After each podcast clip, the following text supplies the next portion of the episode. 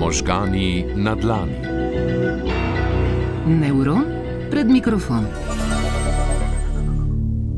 Magistrica Petra Bavčar, klinična psihologinja, vedensko-kognitivna terapeutka. V prejšnji oddaji možgani na dlani smo govorili o tem, kaj se dogaja z možgani, ki jim zvoni v ošesih, o tinitusu smo se pogovarjali.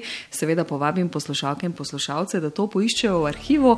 Zdaj, da smo se dobili v vaši ordinaciji, pogosto spreme ljudi, ki imajo to težavo. Moram priznati, da sem jaz poslušala ta prispevek in ne boste verjeli, kako sem do njega prišla. Še isti dan, ko ste govorili prejšnji četrtek o tinitusu, Tinitusu, mi je kolega, ki ve, da se s tem ukvarjam, poslal v bistvu vaš podcast. Tako da sem z veseljem poslušala. Ja, tudi jaz se kar redno srečujem z bolniki, ki imajo šumenje. Tako da bi rekla, da jih imam tedensko kar nekaj v obravnavi. In v bistvu je zanimiva zgodovina um, moje obravnave bolnikov s tinitusom, da sem prvi dan, ko sem prišla delati na to kliniko, zaradi tega, ker sem nadomestila kolega, ki je odšel, že prvi dan imela v popodanskih urah skupino bolnikov s tinitusom. Na kliniki za otorino laringologijo se s tem veliko krat srečam, ampak danes, danes gremo pa na glas. Pa da ne bo pomote, ne bomo zvišali jakosti posnetka, v spredje bomo postavili glasovne motnje. Sem pa sodi marsikaj. Sem sodijo zelo različne težave z glasom, od tega, da smo lahko glasovno utrujeni, do tega, kar najbolj pogosto ljudje prepoznajo kot spremenjen glas, kot neka hripavost, hrapavost, nečistost glasu, kot tega, da um, je v bistvu ob govoru večja glasovna utrudljivost in podobno. Zdaj, zagotovo se izkazuje, da so nekateri poklici, tisti poklici, pri katerih je večja glasovna obremenitev, povod za glasovne težave. Se pa v bistvu zelo zanimivo izkazuje tudi v različnih raziskavah to, da mogoče niti ni tokrat eh, ali pa vedno izključno poklic razlog za glasovne težave, ampak da je tudi v bistvu način preživljanja prostega časa. Se pravi, da gre za povezavo mene kot osebnosti, na kakšen način jaz uporabljam svoj glas, lahko tudi v prostem času. Najbrž je pa pomemben seštevek obojega. Če na eni strani imam glasovno obremenjujoč poklic, kjer veliko govorim in hkrati mogoče na manj pravi način in potem seveda v prostem času delam podobno. Še preden zares pokukamo med nevrone, vanje shranimo še dve, morda za koga novi besedi: disfonija in afonija. Disfonija pomeni spremenjen glas. Afonija pomeni uh, stanje človeka brez glasu. Glasilke bi verjetno hitro povezali s tem, kaj pa možgani. Poslušalci vaše oddaje zagotovo vejo, kako zelo so pomembni možgani. Tako da možgani imajo v bistvu pomembno vlogo tudi pri tem. Tako da zelo različne glasovne težave so lahko, če govorimo povezane z možgani, čist na način, ki bi lahko rekli psihološki. Da če imam jaz strah pred nastopanjem, če imam v bistvu strah pred tem, da bom zgubila glas, seveda to preko neke povečane telesne napetosti vpliva tudi na to, kako napete so in glasilke, in ostale mišice, ki so seveda povezane z, z govorom, glasom, lahko tudi sprememba v dihanju. In zagotovo je to direktna posledica potem, a ne čist nekega načina razmišljanja, nekega, bomo rekli, psihološkega funkcioniranja, ki se zgodi v možganih. Glasovne težave so raznolikega izvora. Nekaj, v manjšini sicer, jih je tudi neurogenetskih. Zavedati se moramo, da tudi v poteku nekaterih uh, nevroloških bolezni je lahko sprememba v glasu uh, direkten simptom te bolezni. Se pravi, to so različne bolezni, za katere so poslušalci vaše oddaje že zagotovo slišali, kot so multipla skleroza, kot je ALS, kot je miastenija gravis, kot je Parkinsonova bolezen. Se mi pa zdi mogoče pomembno povedati, da je v bistvu v resnici to zelo redek razlog za glasovne težave, če govorimo procentualno, kaj vse bi lahko bili razlogi za glasovne težave, nikakor pa seveda ni za spregledati, da je lahko ta simptom tudi simptom nevrološke bolezni. Kaj pa je najpogostejši razlog, da glas ne sodeluje tako, kot bi si želeli?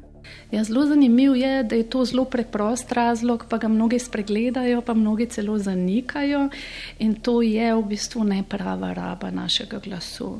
Zdaj, najbolj pogosto se v naših ambulantah izkazuje, da ljudje mogoče glas, glasilke jemljajo kot nekaj čisto samoumevnega kot da se na tem področju ne more nič zgoditi, kot da na tem področju sem pa neomejen, kot da sem opremljen do konca življenja za v bistvu danostmi, ki mi dajo glas.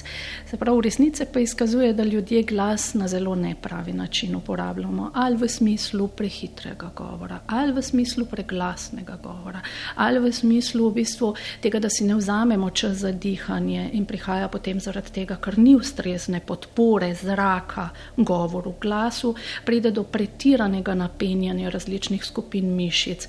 In v tem pogosto lahko je tudi razlog to, da v času nekega prihladnega obolenja, ko so naše glasilke nabrekle, In ko bi bilo fajn začutiti svoje telo in se zavedati tega, da je zdaj pravi čas, da mogoče malo zmanjšam glasovno obremenitev, da sem mogoče malo več tiho kot sicer, da mogoče ne stiskam tako močno svojega grla, zato da bi bil moj glas slišati močnejši, glasnejši. In takrat zelo pogosto lahko, če traja to obolenje predolgo, pride celo do takih motenj, ki jim rečemo funkcionalne motnje, da se glasilke naučijo tega načina napetega govora govora, ki lahko potem po prehladnem obolenju kar ostane. In to so pravzaprav najbolj pogosti razlogi za glasovne težave. Zvenite enako, ko ste jezni ali razburjeni, kot takrat, ko nekoga ljubeče pozdravite. Najbrž ne. Tudi tu je že jasno, da dogajanje v našem limbičnem sistemu ni osamljeno in seže tudi do glasilk. Pač v naših možganjih vse te misli, ki nam gredo čez glavo, so v bistvu povezane direktno s telesom na način, da pride do um, v resnici teh sporočil iz možganov v različne organe. Seveda ne tle tudi v organe, ki so pomembni za to, da mi dobro obvladujemo stres in to vpliva na napetost samega telesa, na napetost mišic in potem tudi direktno vpliva na kvaliteto našega glasu, ker pravzaprav čist glas imamo lahko takrat, naše glasilke sproščeno nihajo in pride med njimi do popolnega stika. Ob neki zelo veliki napetosti telesa, katere vzrok je lahko stres, psihična napetost, pa pravzaprav glasilke ne morejo nihati uh, na tak način, na tak sproščen način in ne pride med njimi do stika. Živela sproščenost in živele sproščene glasilke bi lahko rekli malo za šalo, ampak veliko pa za res. Vse to je seveda povezano z našim splošnim dobrim počutjem in psihofizičnim zdravjem. Možgani na dlani. Magistrica Petra Bavčar je z nami v tokratni epizodi. Vsaki seveda veliko govorimo in brez glasu bi to težko storili. Tokrat so v spredju glasovne težave, ki nam lahko zagodajo in seveda vplivajo tudi na našo duševno dobrobit. Ne pozabite, da je bil 10. oktober svetovni dan duševnega zdravja.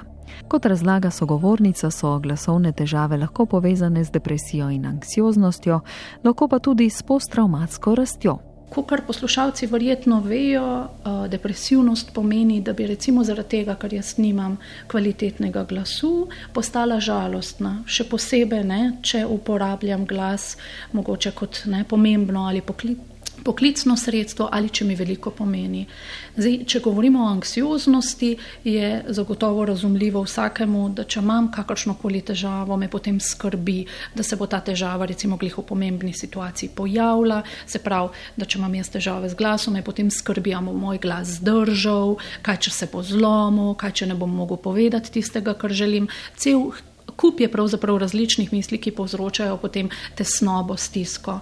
Zdaj, kot tretja posledica je pa v resnici pozitivna posledica.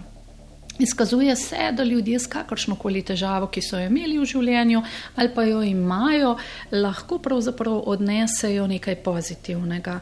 Posttraumatska rast pomeni, da se mi naučimo, mora biti ceniti stvari, ki se jih pred to težavo nismo. Po današnji epizodi boste morda še bolj cenili svoj glas in zmožnosti izjemnih povezav, ki so za njim.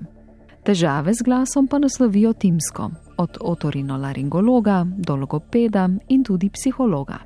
Na njihovi kliniki, pripoveduje magistrica Petra Bavčar, pomagajo s pomočjo vedensko-kognitivne terapije. In ko se tako pogovarjava o glasu, ki polni fizične in medosebne prostore, se mi postavi vprašanje, kaj naš glas pove o nas. Ja, zelo zanimivo so se že v antiki začeli s tem ukvarjati in so govorili, da je naš glas lahko odraz naše osebnosti, naših čustev.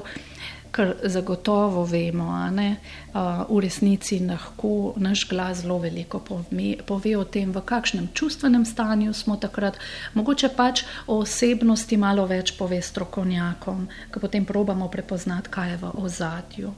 In če vprašam samo še to, magistrica Bavčar, kot strokovnjakinjam za to področje, kaj je recimo še vedno najbolj intrigantno vprašanje, tisto, kar najbolj žgečka radovednost vaših možganov, ko govoriva o glasovnih težavah in reševanju leteh ali pa razumevanju leteh? Zdi, zdi se mi, da so velike razlike med klinično prakso pa med delom raziskovalcev. Zdaj, zagotovo, da raziskovalci hočejo ugotoviti neko povezavo, ne, v okviru neke raziskave, se mi zdi, da je zelo veliko še neodkritih vsebin.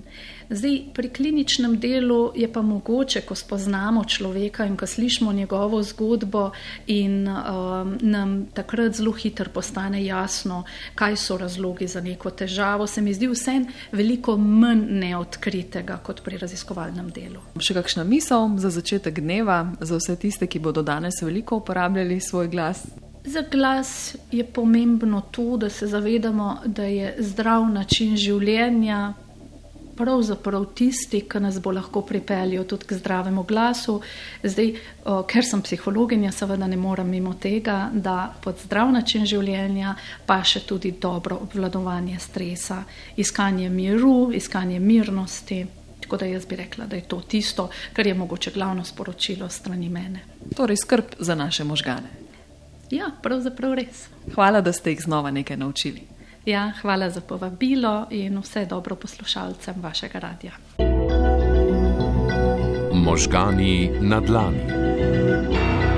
Neuron pred mikrofon.